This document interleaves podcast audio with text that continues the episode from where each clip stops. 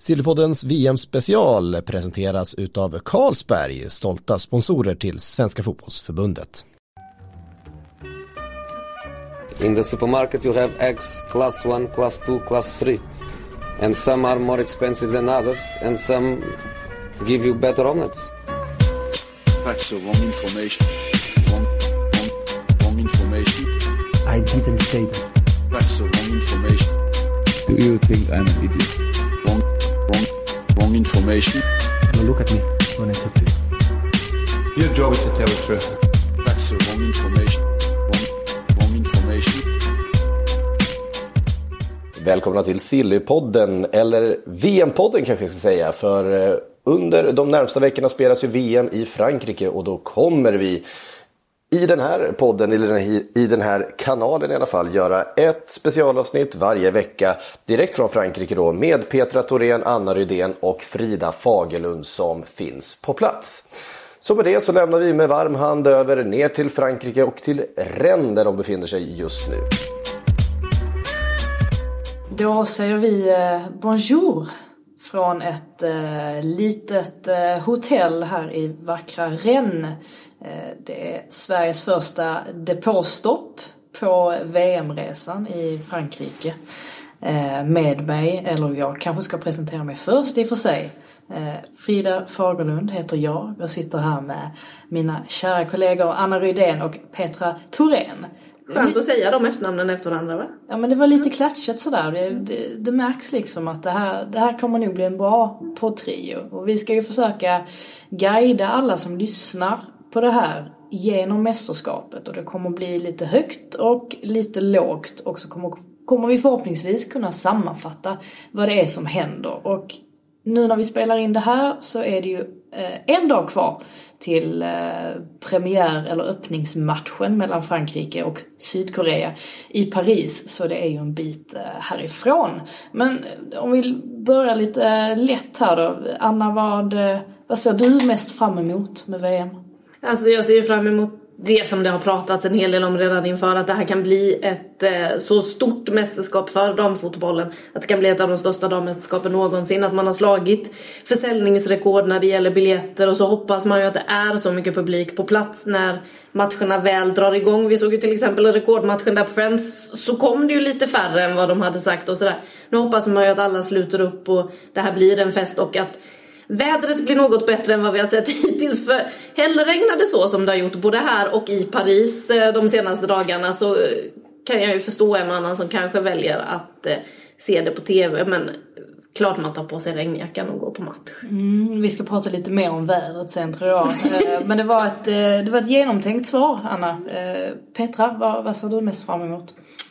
Eh, jag ser fram emot det här fotbollsmässiga lyftet som jag hoppas finns på många håll. Alltså en speed och en teknik som har tagit kliv på damsidan. Eh, det kommer fler och fler spelare som är liksom fostrade genom eh, en ungdomskultur och genom bra akademier faktiskt på, på, på en del håll men också som har fått en rejäl fotbollsutbildning och jag hoppas att det syns eh, på ett jäkla bra sätt och att man har en fartfylld fotboll med, med bra teknik och en liksom eh, ett bra passningsspel, ett, en hög kvalitet eh, med stjärnglans. Det ser jag fram emot. Mm. Du då Frida?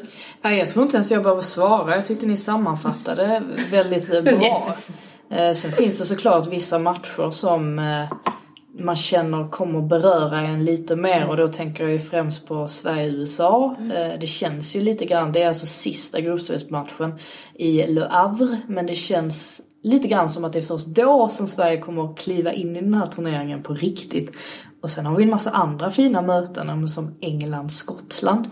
Det grannderbyt är, är inte så dumt det heller. Så att Förhoppningsvis mycket fin fotboll. Men jag tänkte vi skulle börja, eller ta avstamp i eh, Sverige såklart. Eh, landslaget anlände ju hit till Rennes i onsdags.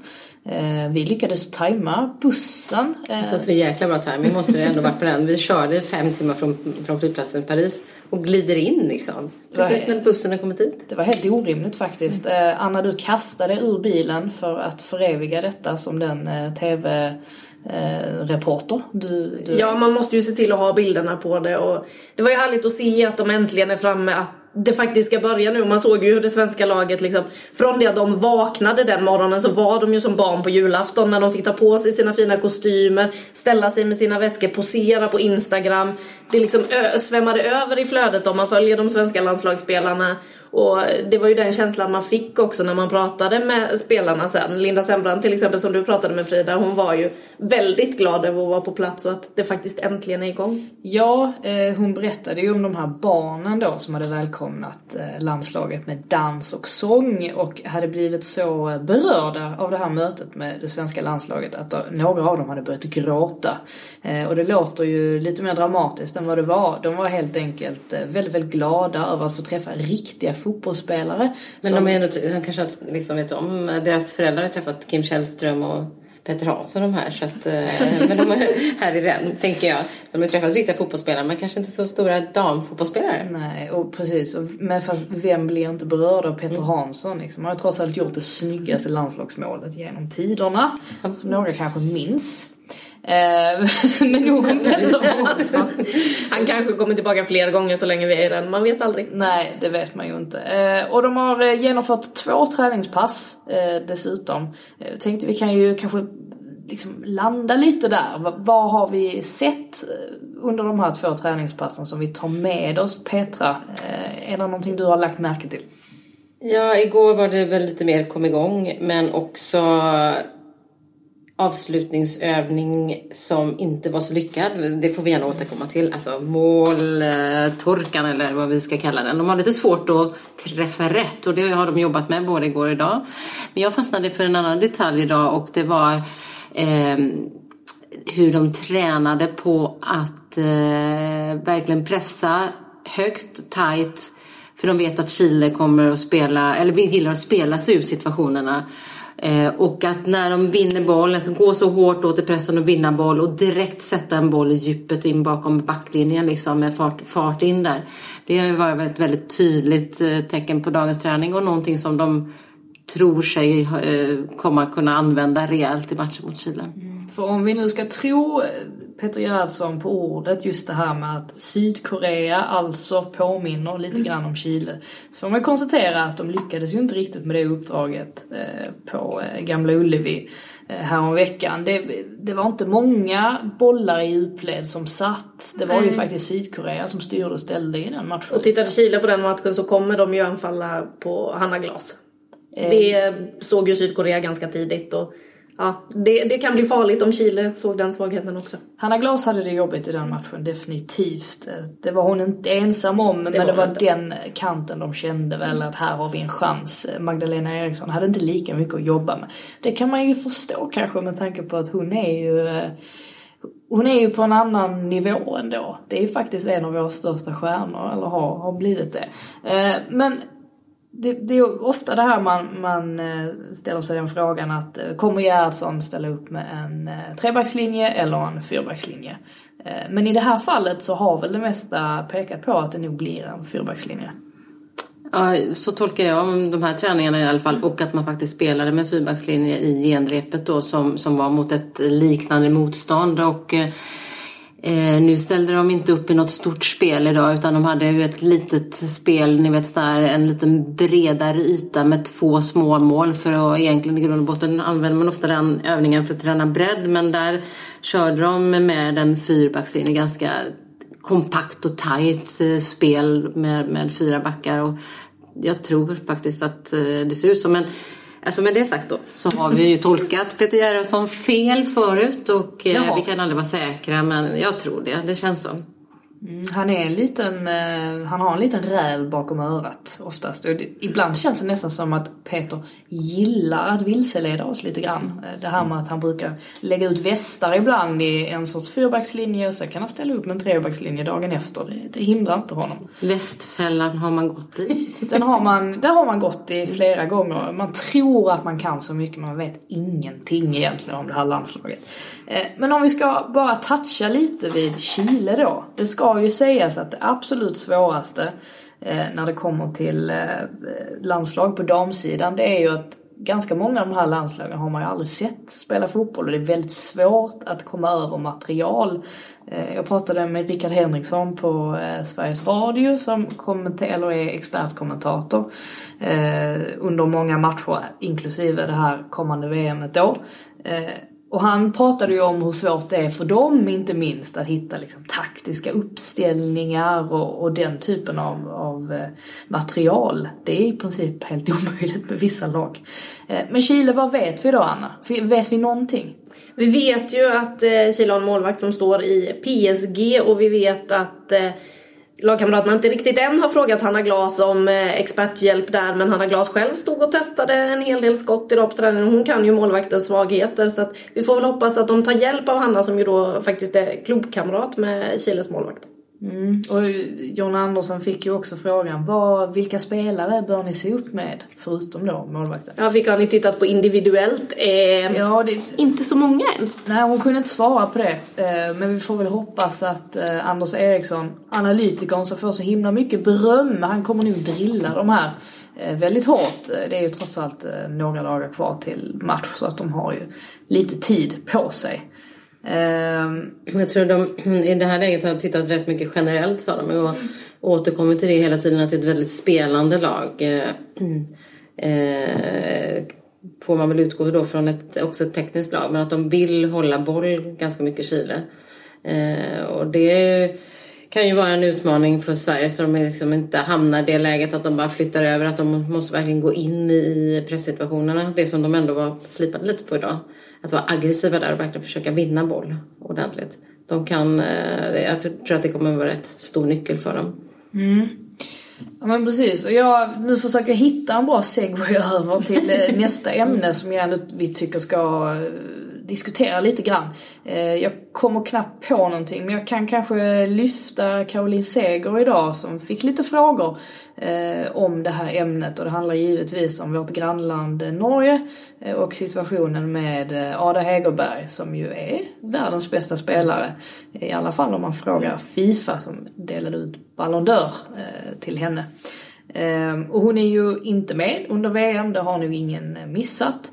Ehm, men hon gick ju även ut i fotbollsmagasinet Josimar. Intervjun gjordes i februari ska sägas, men den släpptes nu häromdagen. Och eh, pratade om hur hon mådde psykiskt dåligt i landslaget, eh, hade mardrömmar eh, och så vidare. Varpå hennes landsman i herrlandslaget då, Martin Ödegård. Som ju alla känner till som den här talangen som gick eh, till Real Madrid när han var väldigt ung och eh, har väl först nu liksom fått, fått lite av sitt genombrott ganska många år senare. Eh, han gick ut och kritiserade detta och tyckte att tajmingen var illa vald.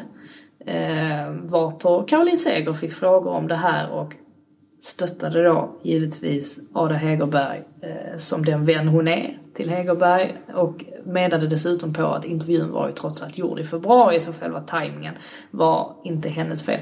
Men vad vet vi egentligen om den här Ada Hegerberg situationen? Vi vet ju inte så mycket ändå som vi tror.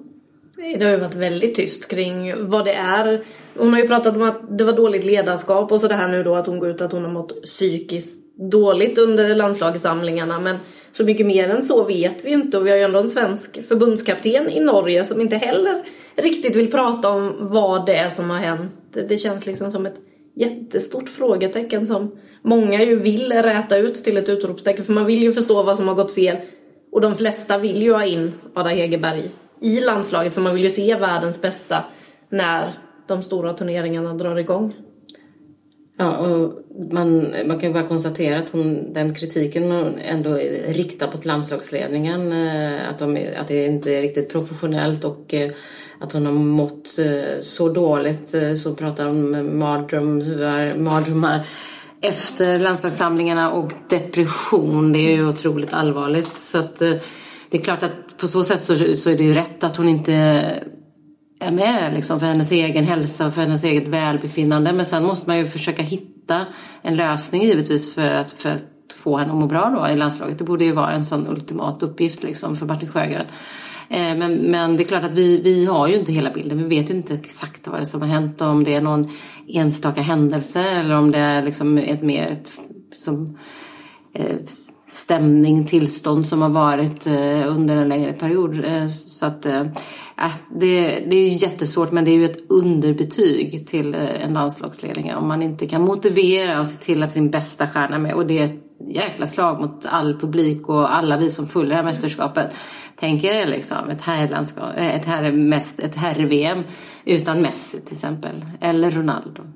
Eller Dessutom på Ada Hegerbergs liksom andra hemmaplan. Finalen spelas i Lyon. Mm. Eh, det är klart man hade velat se henne där. Och är det inte konstigt ändå att landslagsledningen inte går ut och liksom bemöter den här kritiken? För det är ju ganska hård kritik om hur dåligt hon har mått. Jo men är det inte lite ironiskt, eller håller ni med mig om det att visst de här senaste dagarnas eh, tumult, men alltså innan dess så har det inte snackats jättemycket om det här ändå. Och det, jag kan tycka att det är lite sådär signifikant för den tid vi lever i att det är först när Martin Ödegård blandar sig i som det helt plötsligt eh, skrivs extremt många artiklar om det här. Och det är klart att det har lyfts tidigare, det är inte det. Men precis som ni säger, om Lionel Messi hade haft en schism med argentinska landslaget, alltså det hade ju inte slutat liksom dyka upp eh, artiklar. Nej, men det kanske, ligger, kanske ligger någonting i det där att det är en, så här, en manlig förebild som lyfter frågan. Det kanske blir lite mer innehåll i den då. Nu var jag lite ironisk, men så kan det vara. Ja men precis. Eller, du kan, Men jag bara tänker på- sen, vi måste ändå säga också att eh, ytterligare då en svensk, eller vi har ju, eh, Norge har ju ytterligare en svensk förbundskapten, Lars Lagerbäck. Eh, som idag också gick ut och stöttade Martin eh, väldigt mycket i det här. Jag tycker att det var väldigt bra skrivet och, och Ovanligt smart. ovanligt föredömligt smart. Ja. Ja. Och att han hade till och med frågat Lars Lagerbäck då innan han hade gått ut med det här. Och, eh, eh det är klart att det, jag kan förstå att han, att han går in och är stöttande. Jag tycker det är bra att man liksom kanske sluter upp bakom det norska landslaget. Men hur stor inblick har Lars Lagerbäck i vad som egentligen har hänt kan man ju fundera på.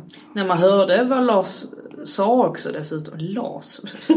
Det var Lasse. Ofta vi har sagt Lars om Lasse Jag, Lagerbäck. jag är Lars med Lasse Lagerbäck. Ja. Nej, men när man hör, hörde vad han sa på presskonferensen så blev man ännu mer konfunderad och förstår liksom inte jag förstår inte vad hans syfte var med att gå ut och säga en sån sak. För precis som ni säger så, det var ju väldigt, väldigt klart att han inte alls förstår vad den här saken Nej, han om. lyfter ju upp också att liksom, hur dålig kan landslagsledningen vara med tanke på att Norge i en svår grupp ändå har lyckats ta sig till ett VM utan sin stora stjärna. Kan landslagsledningen då vara så dålig som Ada Hegerberg säger?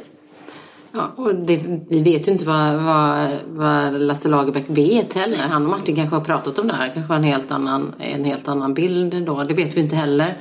Eh, men men det, det är ju intressant det som sker och, och det är klart att det, det måste ju påverka laget. Nu säger ju Martin Sjögren i en intervju med VG då att det här påverkar inte laget. Eh, vi, vet att sådana här saker kan dyka upp men vi vet ju också att eh, det är svårt för spelarna att vara helt opåverkade när det kommer sådana här saker eh, in, in mot ett mästerskap. Och, det är ungefär som, eh, ja, nu vet vi hur det har pratats kring det svenska landslaget när, när den stora stjärnan eh, inte var med, när Zlatan Ibrahimovic stod utanför landslaget och alla de diskussionerna till slut så blir ju spelarna antingen irriterade eller trötta på det. Eh, och det är väl lite där någonstans en, en jämförelse man kan göra liksom. Att, att det ett, eh, ett landslag som, som har den digniteten liksom, på damsidan som, som en stjärna som man inte har med då. Det är klart att det borde påverka någonting inför mästerskapet, eller? Å andra sidan så har jag ju teorin att hela den här Zlatan härvan förra våren, att den faktiskt eh, stärkte. Alltså så är det landslaget. samma. Men då, var han, då, förra året var han, jag menar, då hade han ju slutat och kanske var på väg ner. Jag menar, det fanns ju en period han stod utanför landslaget när han var ännu bättre, om man säger så. Ja men så är det. Och sen så har i alla fall jag ingen aning om hur relationerna Alltså bland de spelarna som faktiskt är med i norska landslaget, hur de relation, vad de har för relation till Ada Hegerberg. Eh, det har jag ingen aning om. Eh, men vi får väl se hur Norge sköter sig eh, i det här mästerskapet. Och vi kanske ska kliva över då till öppningsmatchen och prata lite om det ändå. Som ju faktiskt är i Norges grupp också för de har ju hamnat i en ganska tuff grupp i det här mästerskapet, det får man ändå säga. Mm, precis. Eh, Och först och främst är det ju Frankrike mot Sydkorea. Och Sydkorea har vi ju järnkoll på nu. Kan du alla Kim i Sydkorea? Eh, nej. Men när, de, när jag får se dem ute på planen Ja. så kan jag nog eh, lista ut vilka de är. Vi vet i alla fall lite grann hur de spelar. Och jag har åtminstone fått se en match med dem. Mm, och eh, Peter, du som är en riktig frankofil här. Eh, Frankrike, de har extremt mycket press på sig. Ja, det har de, för det är ju det här laget som, som vi mästerskap efter mästerskap de senaste åren sagt att nu, vive la France, det är dags liksom. Men de har ju inte tagit det där klivet och det är frågan om de ska göra det nu och det är klart att förväntningarna är enorma. De spelar det här mästerskapet på hemmaplan. Eh, och eh, det, jag vet inte hur de kommer reagera med de förväntningar som, som blir. Eh, det, den pressen har de ju inte riktigt hanterat innan, spelarna. Eh, Sen är det ju ett spännande lag och ett lite nytt lag med en ny förbundskapten eh, Corinne Diacre, om jag nu uttalar det rätt. Det gör du Eh, säkert. ja, det gör jag säkert. Du kan inte säga emot. Eh, som också eh, går sin egen väg lite grann och har förändrat laget eh, delvis. Så att det, det blir superspännande att se det blir oerhört intressant tycker jag imorgon att se liksom, var, var det här laget står. Men är det inte anmärkningsvärt ändå när en förbundskapten går ut och säger att allt förutom final är ett fiasko i princip? För det är ju i princip det hon har sagt. Vad, kan man verkligen ha en sån hö, såna höga målsättningar? Med tanke på att Frankrike har ju inte gjort jättebra i Nej, de har väl inte tagit medaljer ens i mästerskap innan så det känns ju som en väldigt hög målsättning och de vill väl göra något lite som herrarna gjorde 98 och vinna det där världsmästerskapet på hemmaplan och få en parad på Champs-Élysées. De laddade ju också med de regerande världsmästarna på herrsidan. Nu inför mästerskapet kan man få någon inspiration av det tror ni kan de dra nytta av att ha hängt lite med grabbarna som vet hur det var att vinna. Det var Griezmann som pratade frisyrer där med någon. Jag vet inte riktigt. Det var liksom någon kul inlägg på Twitter någon som, som noterar. Ja, det kan de säkert få. Jag tror att de, det verkar vara ett av de lagen som ändå har en ganska liksom, börjat närma sig varandra här på herr och damsidan. Precis som i Sverige. Går vi framåt där också. Eh, och någon form av erfarenhet och utbyte har de säkert kunnat ha liksom, när det gäller liksom, att, att prestera på, på hemmaplan och liksom, komma med kanske lite råd och tips. Men till syvende och sist är det tjejerna där ute som ska göra det. Och det kommer ju vara en, bli en svår lottning. Om det går lite som man förväntar sig så är det väl kvartsfinalen. Det är det. Anna, vilka stöter de på? De stöter på USA, eller regerande Eller Sverige. Eller Sverige om Sverige vinner gruppen. Gruppvinnarna i Sveriges grupp. Eh, blir det förmodligen en kvartsfinal och det där finns ju en jätterisk att de åker redan där och då är ju hennes mål för högt ställt. Eh, Så jag vet inte hur mycket hon har sneglat på vägen fram. Men det är klart att någonstans möter ju Tyskland eller USA. Ja, jag hoppas hon har sneglat mer än mig i alla- i alla fall. Jag fick lite kritik här för, av mitt, för mitt VM-tips att jag inte hade kollat slutspelsträdet ordentligt. Eh, Men man vet ju av erfarenhet att det sällan ändå blir så som man Så, tror så, så som man har tänkt sig nu. Nej men Det- precis. Så jag har helt eh, liksom Jag kollar inte på sånt längre. Det verkar som att eh, Frankrike inte gör det heller kanske.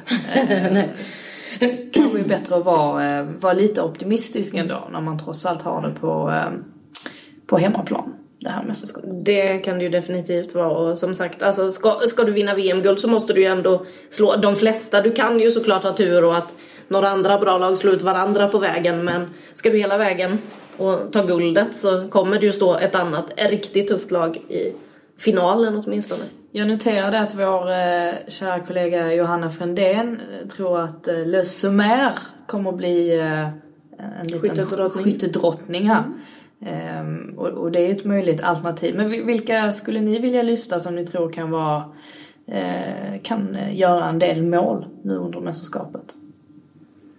Ja, det är en bra fråga. Jag tycker ju att till exempel Holland har en väldigt enkel grupp och borde kunna ösa in en del mål i gruppspelet. Så att jag tror ju på van den Sanden som såg stekhet ut i deras genrep och lekte lite där med Australien tror jag det var de mötte och vann med 3-0. Van den Sanden gjorde två mål i den matchen. Så att jag tror att hon kan göra en hel del mål och man vet ju också att eh, det holländska laget faktiskt har en vass offensiv. Så är det inte hon så kanske det är någon av de andra holländskarna som kliver fram just då för att de har en lätt grupp sen. Så blir det ju oftast målsnålare framåt om man inte då ser till senaste VM-finalen på damsidan. sidan Carly Lloyd gjorde fyra mål, eller vad hon gjorde. Det är nästan lite orättvist. Alltså man får inte göra så. Nej, så många mål. lite, lite taskigt. Lite för häftigt. Jag var tvungen att snegla här för jag kommer inte ihåg förnamnet på eh, eh, Gauvin, alltså Valérie heter hon. Valérie heter hon i förnamn. Eh, Montpellier-spelare som, som är väl en, eh, tror jag kanske då i franska laget som, som jag har tagit med henne i mitt managerlag och det har vi spelat alla. Ja, alla. Det är skönt att vi alla tre har Ja, henne. man har ju fortfarande chansen kanske när man lyssnar på den här podden och har någon timme kvar Mm. att spela. Men eh, hon har ju gjort mål, inte kanske i alla landskamper men det är väldigt, väldigt många. Eh, så det tror jag. Hon kommer nog visa framfötterna och, och göra en del mål. Och sen har vi ju Pop, fram, en tysk. Eh, skyttedrottning, hon, hon öser på säkert också tror jag med mål. Men vem blir skyttekung? Är det, eller skyttekung? Vem blir skyttedrottning i Sverige. i Sverige? I Sverige. Frida, Det är vem gör en Anna, vem gör? Oerhört bra fråga. Det är en oerhört bra fråga, absolut. Och jag sitter ju fortfarande och har mina förhoppningar om Stina Blackstenius, att hon ska komma igång. Tyckte faktiskt hon såg fin ut på träningen idag. Håller med. Eh, och gjorde en hel del mål eh, som vi faktiskt har eh, liksom eftersökt. Eh, sen ka- kan man ju inte komma ifrån att Fridolina Rolfö har gett väldigt bra tendenser. Nu kommer hon ju in mot Sydkorea och det var ju när hon kom in med, vad kan det vara, 20 minuter kvar, någonting sånt där. En kvart kanske till. Hon fick stå sånt. ganska länge och vänta på att få komma in. När hon väl kom in så blev det ju alltså ett, ett trendskifte i matchen. Eh, det var ju då, i samband med det trippelbytet som det var tillsammans med John Andersson och Nilla Fischer som Sverige tog tag i matchen och till slut kunde vinna också. Sen finns det ju förklarliga skäl till att sydkoreanskarna hade ju fört matchen ganska mycket. De blev trötta och trötta. De har inte en lika bred trupp som Sverige har. Eh, och att de helt enkelt inte orkade. Men där såg man ju verkligen att Fridolina Rolfö har ju en nivå i sig som är väldigt hög ändå. Och Magdalena Eriksson var ju också noga med att påpeka det där att det borde pratas mer om eh, Fridolina Rolfö. Och det kanske till och med är så att det kommer att göras det efter det här mästerskapet. Så att eh, jag tror att där, där sitter vi nog på någon som faktiskt kan kliva fram och ta för sig. Hon verkar ju vara hel och frisk nu också. Eh, Det känns ju härligt. Annars får de väl göra som herrarna förra året. Då hade vi också inför mästerskapet och stod så här efter genrepet. Vem ska göra målen då? Ja men vi har ju en skånsk lagkapten här också som slår straffarna. Hallå, det är klart att Caroline Seger får kliva fram och slå straffarna och se till att göra några svenska mål. Och det är ju inte helt ovanligt heller att någon som blir sk- skyttekung eller skyttedrottning faktiskt gör väldigt många mål på straffar och så vinner man på det sättet. Det har vi ju sett eh, mer än en gång. Det såg vi förra sommaren också.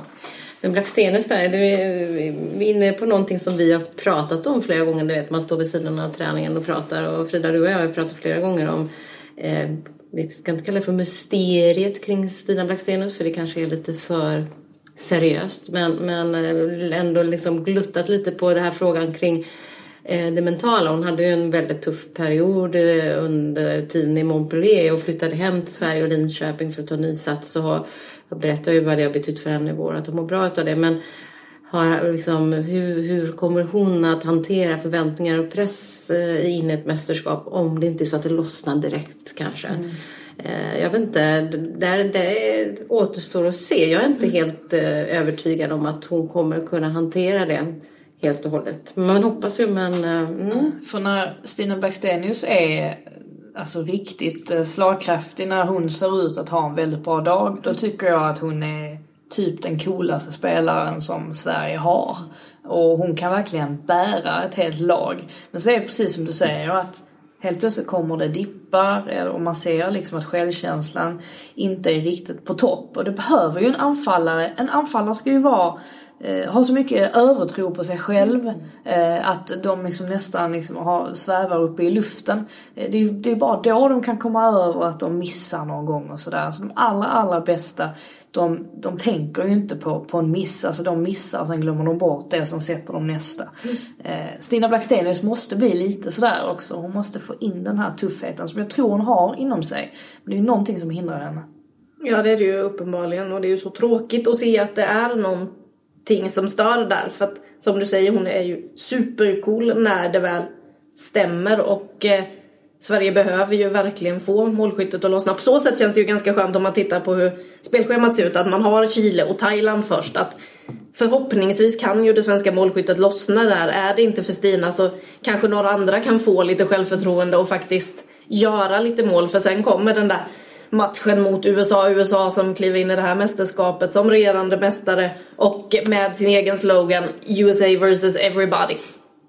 Ja, jag, jag, jag bryr mig inte om egentligen alltså vem som gör målen. Bara, bara bollen går in någon gång. Alltså det är, nu är det, jag tycker ändå visst, alltså försvaret har kanske skakat lite, eller jo- skakat lite mot eh, Tyskland. Det såg kanske inte helt bra ut mot Österrike heller och sådär. Men det är ju framåt, det måste stämma ändå för Sverige. Bakåt är vi alltid starka. Lite svenskt starka, så är det ju. ja men precis. Och samtidigt håller man nollan så räcker ju det ganska långt. Ja för samtidigt, vi vill inte ha någon sån Vi vill inte hamna till, och, nej, och inte till straffläggningarna, straffläggning som mot Kanada, att man håller så pass långt och sen förlorar på straffar. Det är ju också fruktansvärt tråkigt. Men ska vi avsluta bara med en frågeställning här. Ehm, Är vi för naiva? Kan det bli, bli så att Sverige går in i den här turneringen och är lite, lite för naiva? Det är ganska många som har lyft det. Alltså att spelet de visar upp tyder på att de kanske inte har den, alltså tillräckligt med respekt för de lite bättre motstånden. Eller vad säger du Petra? Ja, eh, det är, en, det, det är väldigt svårt att liksom landa, tycker jag, känslorna kring, kring det. Eh, eh, jag tror att det, respekten finns, men kanske en liten övertro på, på sitt eget spel. Eh, och det tror jag hänger ihop med den utvecklingen som man har sett internationellt. Det, det händer så enormt mycket på, på många fronter i de stora klubbarna när resurser sätts in och det kommer spelare som är hårt drillade. Jag, något som bara fastnade för mig, eh, hos mig så där, var när jag satt och pratade med Hanna Glas. Liksom, hennes reaktion när hon kom till, till eh, Frankrike och PSG liksom, är att Gud vad de är tekniskt skickliga liksom. Och varför, varför drillades inte jag så här när jag var liten? Så hon har ju liksom fått träna en massa teknik för hon känner att eh, jag behöver verkligen komma ikapp. Och det är där någonstans känner jag att eh, det går lite för långsamt och det kanske är lite för liksom saknas lite av de här tekniska detaljerna. Visst finns tekniska spelare men, men, men kanske inte liksom så att vi har den höga tekniken på alla fronter och inte kanske heller den speeden riktigt. Liksom. Även om Sofia Jakobsson är kanske den snabbaste i VM då på, på vissa sträckor. Så där tror jag någonstans att man har en liten övertro och det, kan, det kanske är det du menar med liksom, att man inte har respekt för motståndaren. Man har en liten övertro på sitt eget spel. Och, alltså jag pendlar mellan att nej men det här kommer gå skitbra till att nej men vi kommer bara få en sån fet smäll, ett uppvaknande över att nej men precis som i Champions League så är vi inte med längre och, och jag vet, alltså jag hoppas inte det blir så men det, det finns där någonstans i bakhuvudet. Ja, eh, det är nästan så att mitt huvud är alltså, i, i nästa mästerskap. Alltså det, att, att jag är så långt fram för att man ser den här lite yngre generationen som nu har fått, eh, fått komma med. Men som, ja, Janogy är ju lite äldre i och för sig men hon har ju liksom slagit igenom först nu. Och är ju någonting annorlunda som inte Sverige har haft sådär riktigt eh, tidigare. Eh, även om Gerhardsson gärna jämför henne med Fridolina Rolfö. Det finns ju vissa likheter dem emellan. Eh, men jag tänker på eh, Sigiotti Olme och, och sådär. De här, och Nathalie Björn inte minst. Alltså de spelarna jag vill nästan se nästa EM, alltså att det kanske är då som Sverige kommer vara liksom riktigt vassa. Eh, för jag håller med, jag kan inte heller bestämma mig för om det här kommer bli flipp eller flopp liksom. Nej det känns ju som det kan gå Anna, kan du- verkligen antingen eller. Men jag, jag, inte du säga det går nu jo, men Jag har ju varit optimisten i det här gänget och jag får fortsätta vara det då för att om man tittar mitt tips inför det här så jag gick ju igenom då slutspelsträdet hur jag tänker att det ska sluta. Ja, då kommer Sverige få en väldigt tuff väg för i så fall möter man eh, Holland i en åttondelsfinal förmodligen. Som jag nyss Jag fick Tyskland. håsade. Varför fick jag Ja, Tyskland? men de kommer i kvartsfinalen sen. Jaha. Ja. Så att då har man först Holland som jag tror att offensiven liksom, de kommer ösa på framåt. Då ska den där svenska defensiven klara att stå emot dem först. Sen kommer Tyskland. Mm, det vet vi ju att de är lite av ett spöke för Sverige. Det var där det tog stopp senast i VM. Sverige har svårt för Tyskland, det såg vi ju på Friends också i den här rekordmatchen att ja, där det blir tufft. Men det spöket, det övervinner man och så tar man sig vidare och till slut så står man i en final mot Frankrike och där då tar det ju tyvärr stopp för Sverige. Det blir ett silver igen och Frankrike tar det där guldet i min då optimistiska värld. Men ja, det... Jag får väl fortsätta vara optimisten här så länge. Var du det så, så pendlar vi här mellan två olika tillstånd i ytterligheternas värld. Ja, jag, jag känner mig... eh, Jag vet inte, om- ja, jag är nog lite realistisk kanske i det här fallet. Men jag känner att jag blir hellre positivt överraskad än, än blir väldigt besviken. Det, det tycker jag känns trist. Så att nu eh, har jag inte så höga förväntningar och då kan det ju bara stiga. Och samtidigt kan vi säga att den här gruppen, den ska ju Sverige inte kunna åka ur. men det det- är ju ett fiasko. nej, ja, omöjligt. nej, det är ju katastrof. Nej. Nej. Det går inte. För det är ju några treor som ska vidare också. Ja. Och eh, ja, Ja, men en Sverige har Thailand en och Chile i gruppen. det. En andra plats i gruppen. Det borde Ja, det det rimligtvis blir bli. det. Om inte USA får för sig att de skulle ha det lättare på andra sidan, att de inte vill möta Frankrike. Men det är liksom inte den amerikanska mentaliteten. Nej, och vi Nej, vet ju också... de, det är ju de mot alla och de ska slå alla. Så att, Vi nej. vet ju också att trots att det såg så hemskt ut i eh, VM i Kanada för fyra år sedan så tog de sig faktiskt vidare från gruppen då också. Och det var ju med nöd och Åh herregud. Inga... Traumati- traumatiska minnen. Vi ska inte dra upp eh, de tråkigheterna. Eh, ja, men jag tycker väl att vi eh, har summerat det här ganska bra. Vi Så här lyckades innan också- VM liksom, Märkte ni bara- det att vi, vi liksom kom tillbaks naturligt till Sverige där? hade Men det beror ju på, på att du le- leder oss så fantastiskt tillbaka här. Ja men eh, t- tackar tackar. Jag eh, tar ödmjukast emot den eh, komplimangen. Och så eh, är väl vi tillbaka, jag vågar inte säga när. Nej men det kan jag förhoppningsvis- nog våga. Oj, ja, Oj, jag kan våga berätta det. För Hoppa in och berätta för oss. Jag vågar faktiskt ut, ja, vad vi ska göra här tillsammans. Men Exakt. jag vågar faktiskt här och nu utlova att eh, ni kommer få en djupdykning dagen efter Sveriges premiär. Alltså de spelar den 11. Så den 12 kommer vi eh, ge er som lyssnar en djupdykning på vad vi såg och uppfattade i den svenska premiären. Så att det är klart att eh, vaknar man upp där och så här, ah, jag är så sugen på att veta lite mer så då kommer vi ju finnas där alldeles nära er. Och när vi behöver debriefa matchen själva liksom och analysera vad var det egentligen vi såg, vad var det egentligen som hände. Ja, precis. Vi får hoppas att det är positiva tongångar då från oss. Eh, tack till alla som har lyssnat. Eh, det var allt vi hann, som Patrik Syk hade sagt. Eh, au revoir!